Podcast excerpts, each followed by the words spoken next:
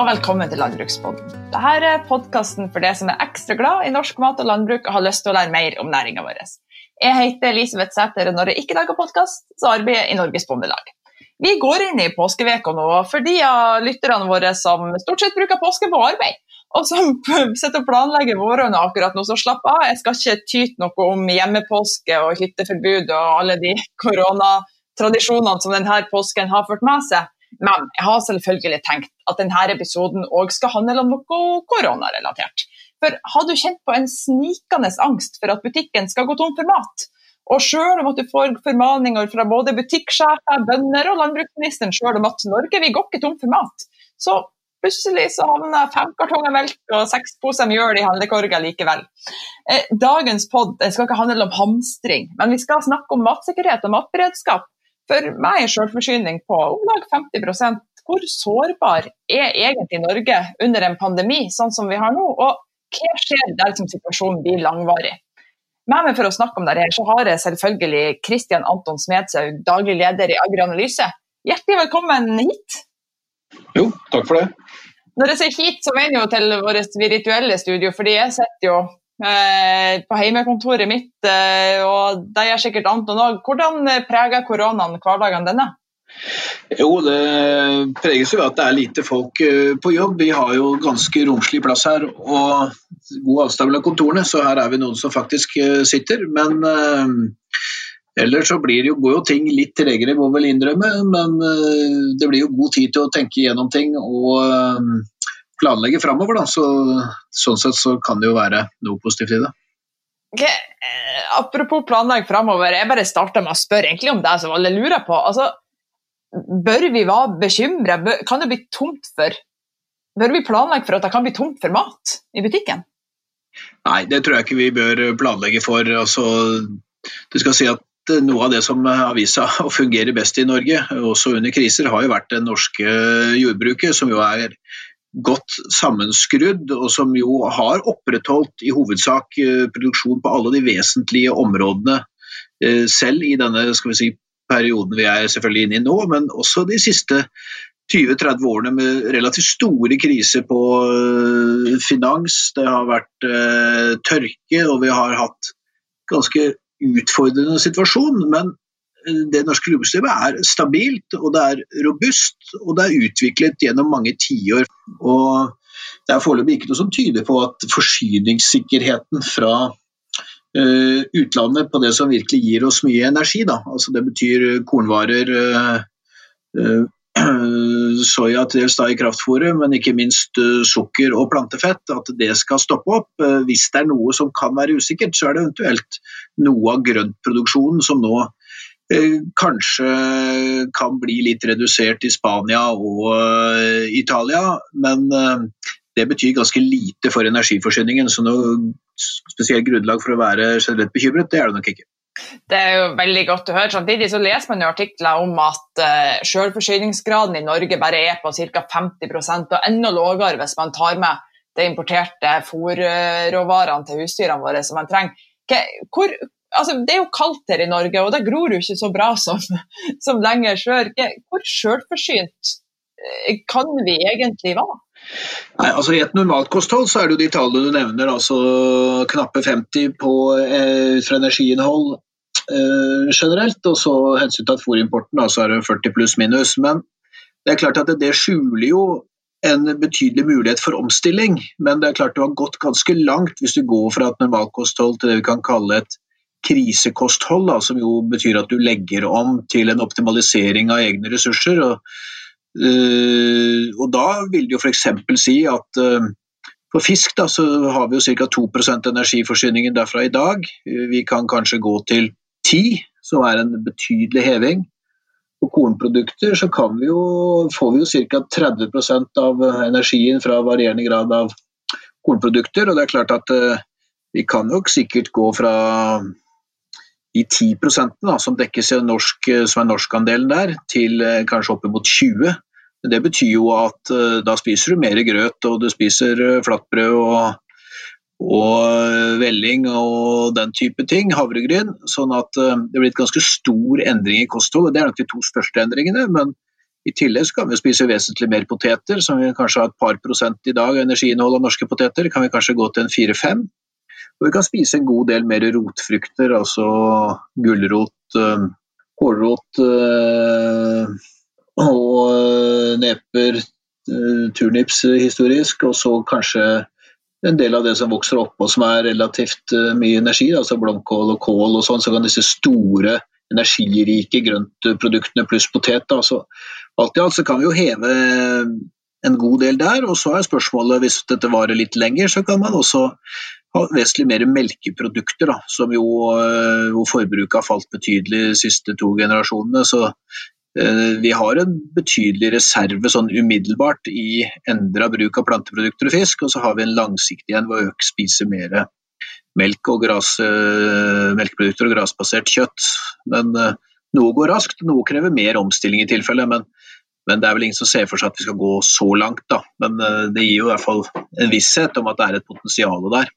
Men vi vil jo, det som er det mest kritiske for oss, det er nok at vi trenger en del mathvete, og så trenger vi en, en, del sukker. Så det er klart at Sukker inngår i mye, og, så, og det er ikke bare usunt. Og en del planteoljer, eh, som jo gir en god del energi. Så Det er vel de viktigste importproduktene våre sånn i praksis. Så kan vi nok legge til at vi trenger eh, en del kraftfôrråvare i et normalkosthold, men det er klart der er det mulig å gjøre en del tilpasninger. Så hvis pandemien virkelig skulle ta, bli akopalypse, skulle si, så, så, liksom, så, fikser vi det med litt mer grøt og, og litt mer flatbrød?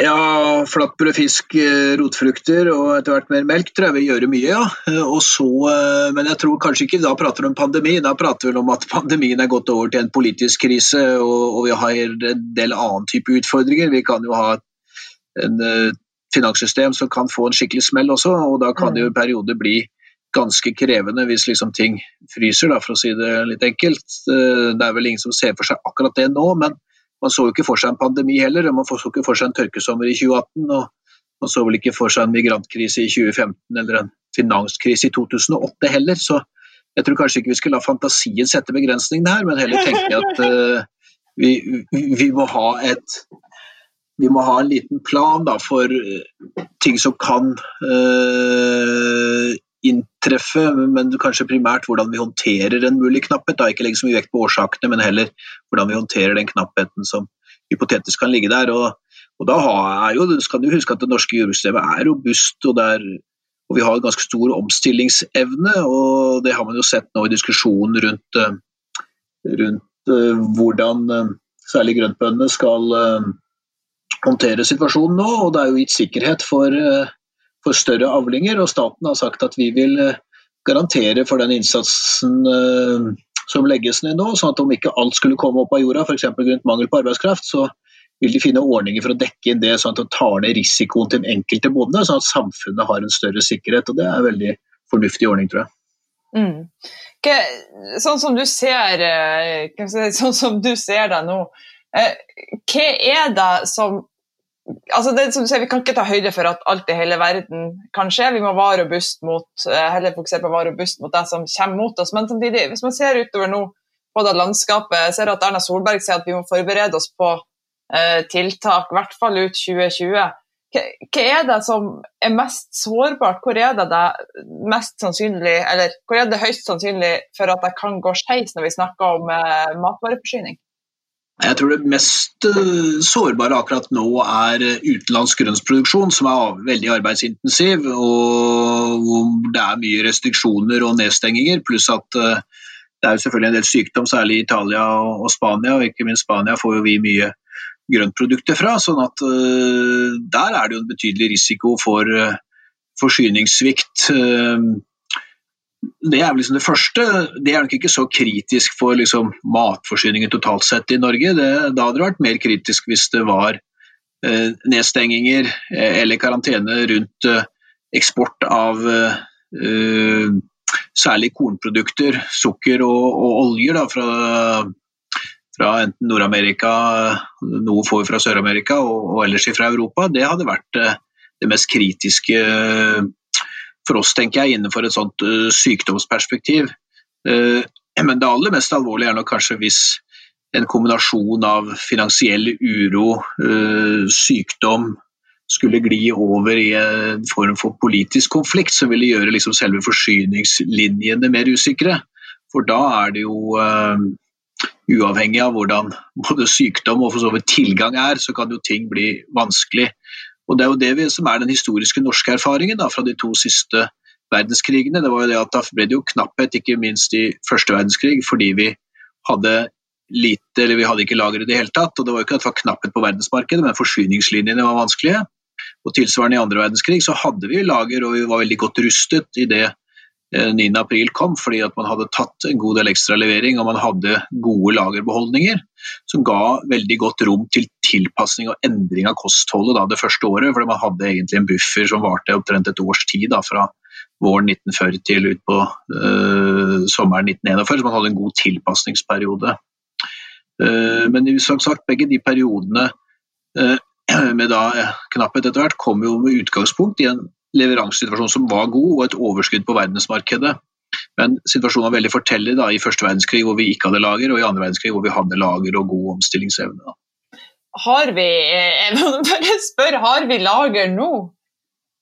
Det har jo vært mye diskusjon på Stortinget om beredskapslager for korn f.eks., som jo eh, jeg har fått inntrykk av at vi ikke, at politikerne i regjeringa ikke ønsker. seg. samtidig så jeg at det var noen butikksjef, dagligvaresjefer her dagen som gikk ut og sa at jo da, vi har et par skjulte sånn dagligvarelager hvis det virkelig skulle, skulle knipe på?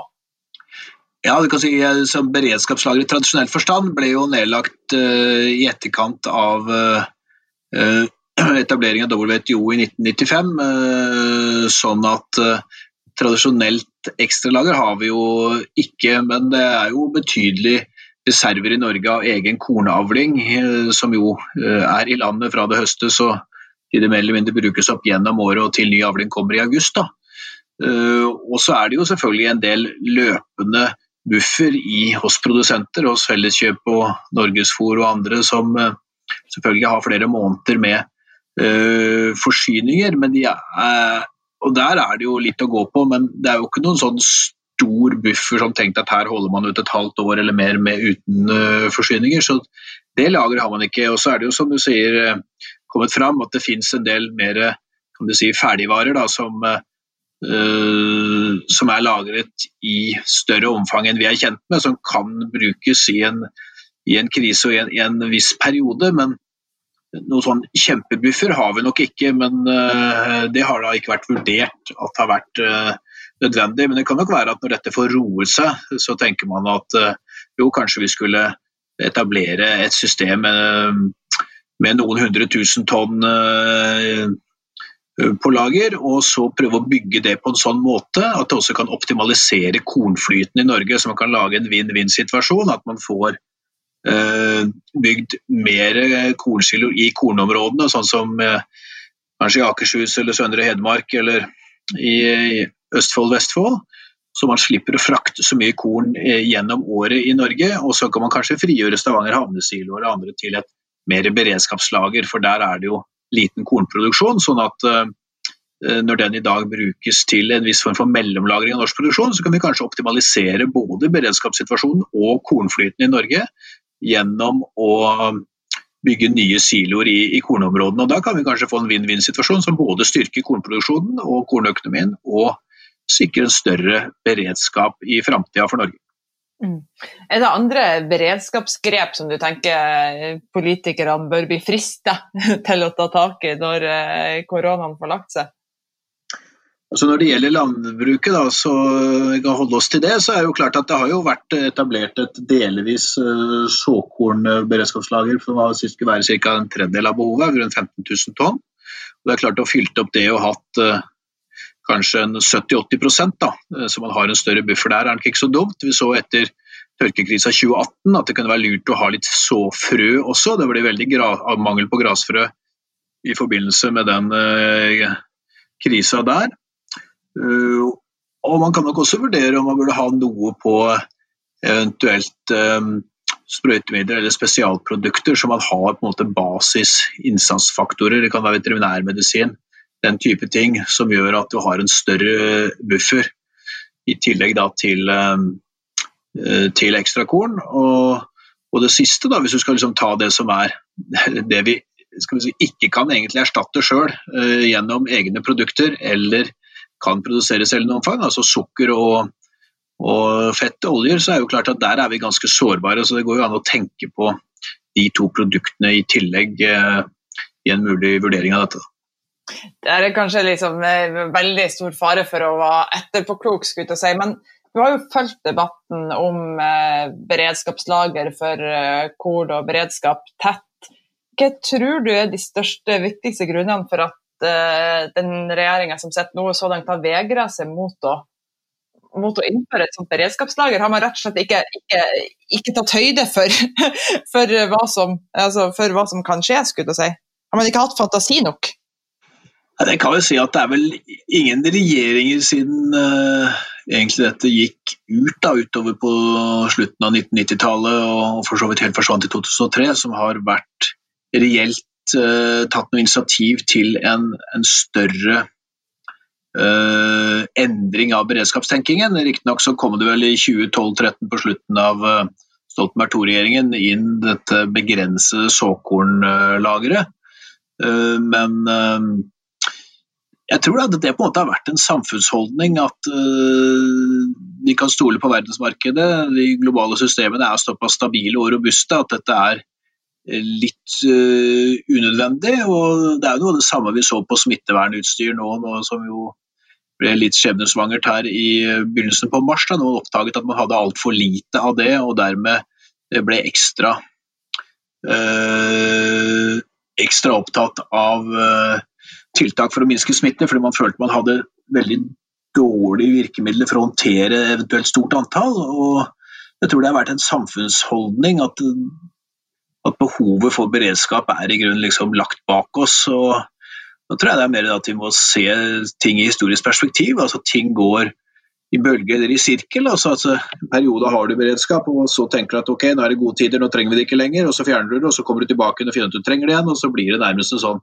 historisk sirkelbevegelse som også dette er en del av. Men det som kanskje vi kan si er litt unikt i den sammenheng, da, det er at til tross for den tankegangen, så har jo Norge greid å opprettholde en veldig detaljert, eh, veldig fleksibel og god jordbruksmodell med opprettholde jordbruksforhandlinger, eh, samvirkebasert eh, markedsregulering og en ganske detaljert fordeling av jordbruksstøtte til ulike størrelseskategorier på gårdsbruk og til og ulike deler av landet, som jo gjør at vi har en ganske intakt jordbruksmodell som alle andre land har avviklet i denne perioden med liberalisering etter murens fall. Så det er veldig mye som er tatt vare på i norsk landbruk, da, som mange misunner oss nå, og som vi drar fordel av. Så, sånn jeg tror det er viktig å fokusere litt på det òg.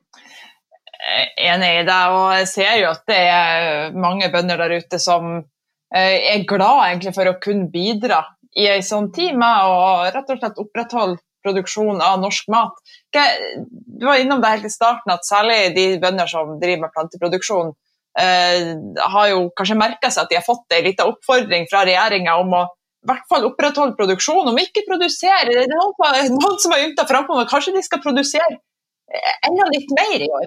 Hva, Eh, vil du, vil du, anbefale deg skulle si, til de bøndene som har uh, mulighet til deg, som driver med korn eller grønt eller potet? Ja, altså, det, er to gode grunner til det nå, for, det, for, så vidt tre. For det første så er det en viss usikkerhet der ute som regjeringen har vært med nå på å avhjelpe gjennom signaler til produsentene. Så ja, jeg tror det er en god grunn for det. Eh, punkt to, eh, krona har jo falt ganske mye, og så all import blir jo ganske mye dyrere. Så det er en ekstra premie for Norge nå å prøve å ha mer av ressursene sjøl. Og så har det jo vært en fokus i lang tid at vi skal prøve å få en høyere planteproduksjon, så vi kan eh, få ned behovet for eh, import av, eh, av innsatsfaktorer og fôr. Og På grønnsida så vet vi også det at hvis det blir overskudd av potet eller, eller rotgrønnsak f.eks., så kan jo en del av det brukes til fôr, og det er veldig godt fôr til, til drøvtyggere. Og for så vidt gris, da, men det er vel lettere å bruke til, til drøvtyggere. Så det er jo ikke sånn at de ressursene ikke kan bli brukt hvis det skulle bli noe overskudd. Eh, og Det er jo også en, en positiv del, og som også da vil selvfølgelig senke importbehovet. Så skal jo Norge omstilles, så vi skal jo produsere mer på Fastlands-Norge. Og alt som kan bidra til økt produksjon og flere arbeidsplasser i Norge nå, tror jeg vi må se på som positivt. fordi eh, vi sitter jo nå med over 400 000 som er permittert, arbeidsledige, og det er jo et voldsomt høyt antall. Så vi ender jo opp å måtte vende hver stein her nå for å finne tilbake igjen til en fungerende økonomi når dette legges bak oss. og Da vil jo jordbruket være en enda viktigere del, tror jeg, når dette er over, enn hva det var når vi gikk inn i denne eh, koronakrisen. Da. Ja, for det som eh, helseminister Bent Høie sier, en dag så er det her over. Og Avslutningsvis har jeg lyst til å spørre deg, Anton. Eh, når tror du at det for betydninga av norsk landbruk og kanskje også utforminga av norsk landbrukspolitikk vil være et før og et etter korona. Vil landbruket og verdiskapinga i sektoren vår spille en større rolle eh, både i debatten og reelt sett for Norge etter koronakrisen? Ja, det tror jeg det blir en reelt sett større rolle i økonomien. For mye av det, det er jo jordbruket og, og hele verdikjeden, inkludert dagligvare, har jo fått et oppsving. og Man ser hvor viktig dette dette er. og Den øvrige økonomien den faller jo litt, sånn at andelen vil jo øke. og, og viktigheten blir jo enda større grad forstått. For dette er jo en påminnelse og en liten vekker da, i hvor viktig det er å ha kontroll på vitale nasjonale produksjonssektorer og uh, verdikjeder. Så jeg håper at dette blir en vekker for Eh, som styrker norsk landbruk og norsk produksjon, men som også er med og bidrar til at vi kanskje også kan få mer eh, farmasi og produksjon av smittevernutstyr i Norge enn eh, et uh, høyere fokus på norsk produksjon, uh, nære verdikjeder og norsk eierskap i det hele tatt. Da, fordi at uh, det kreves jo nå en viss revitalisering for å være bedre rustet til, um, til en, si, en globalisering som ikke har lykkes med å skape den velstand og sikkerhet som vi hadde håpet. Det betyr ikke at vi ikke skal ha internasjonalt samarbeid, men at man må på en måte se mer kritisk på hva man er avhengig av, sånn at det må produsere sjøl, og hva man kan satse på i det globale markedet. Og Den gjennomgangen blir spennende, og der tror jeg landbruket allerede har kommet godt ut og vil styrke seg videre. Vi får håpe at uh, du har rett til deg helt til slutt. Uh, noen, har du noen siste beroligende ord til de av oss som har utsatt påskehandelen og er litt redd for, uh, for tomme butikker framover? Ja, altså, det, det, interessante er jo at, at det sjokket i butikkhyllene det kom jo egentlig på den samme torsdagen, 13.3, da, da denne, disse koronatiltakene ble innført da var det mye tomme butikkhyller borte, hvor folk eh, hamstret opp og skjønte det at å ha tre-fire dager mat var litt lite. Jeg tror kanskje mange gikk imot 14 dager. Det er jo også det som eh, myndighetene etter hvert anbefalte da, som eh, sånn koronakarantenetid. og Hvis vi går tilbake i gamle dokumenter, så ser man også at det var 14 dagers matforsyning som var anbefalt under den kalde krigen da, på, på 70-80-tallet. Så når det da var jo et betydelig sjokk for verdikjeden, men det ble ganske raskt fylt opp igjen.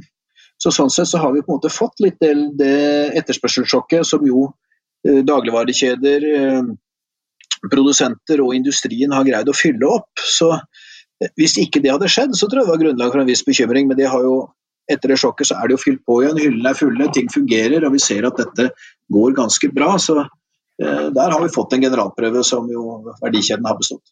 Det er veldig godt å høre. Anton, tusen takk for at du hadde mulighet til å være med i dag. Og tusen takk til dere som hører på. Jeg håper for eh, de av dere som produserer mat der ute, så gjør dere det kanskje med enda mer eh, stolthet. Og for de av dere som skal handle i butikken, ha is i magen. Men skal du hamster, så hamster norsk.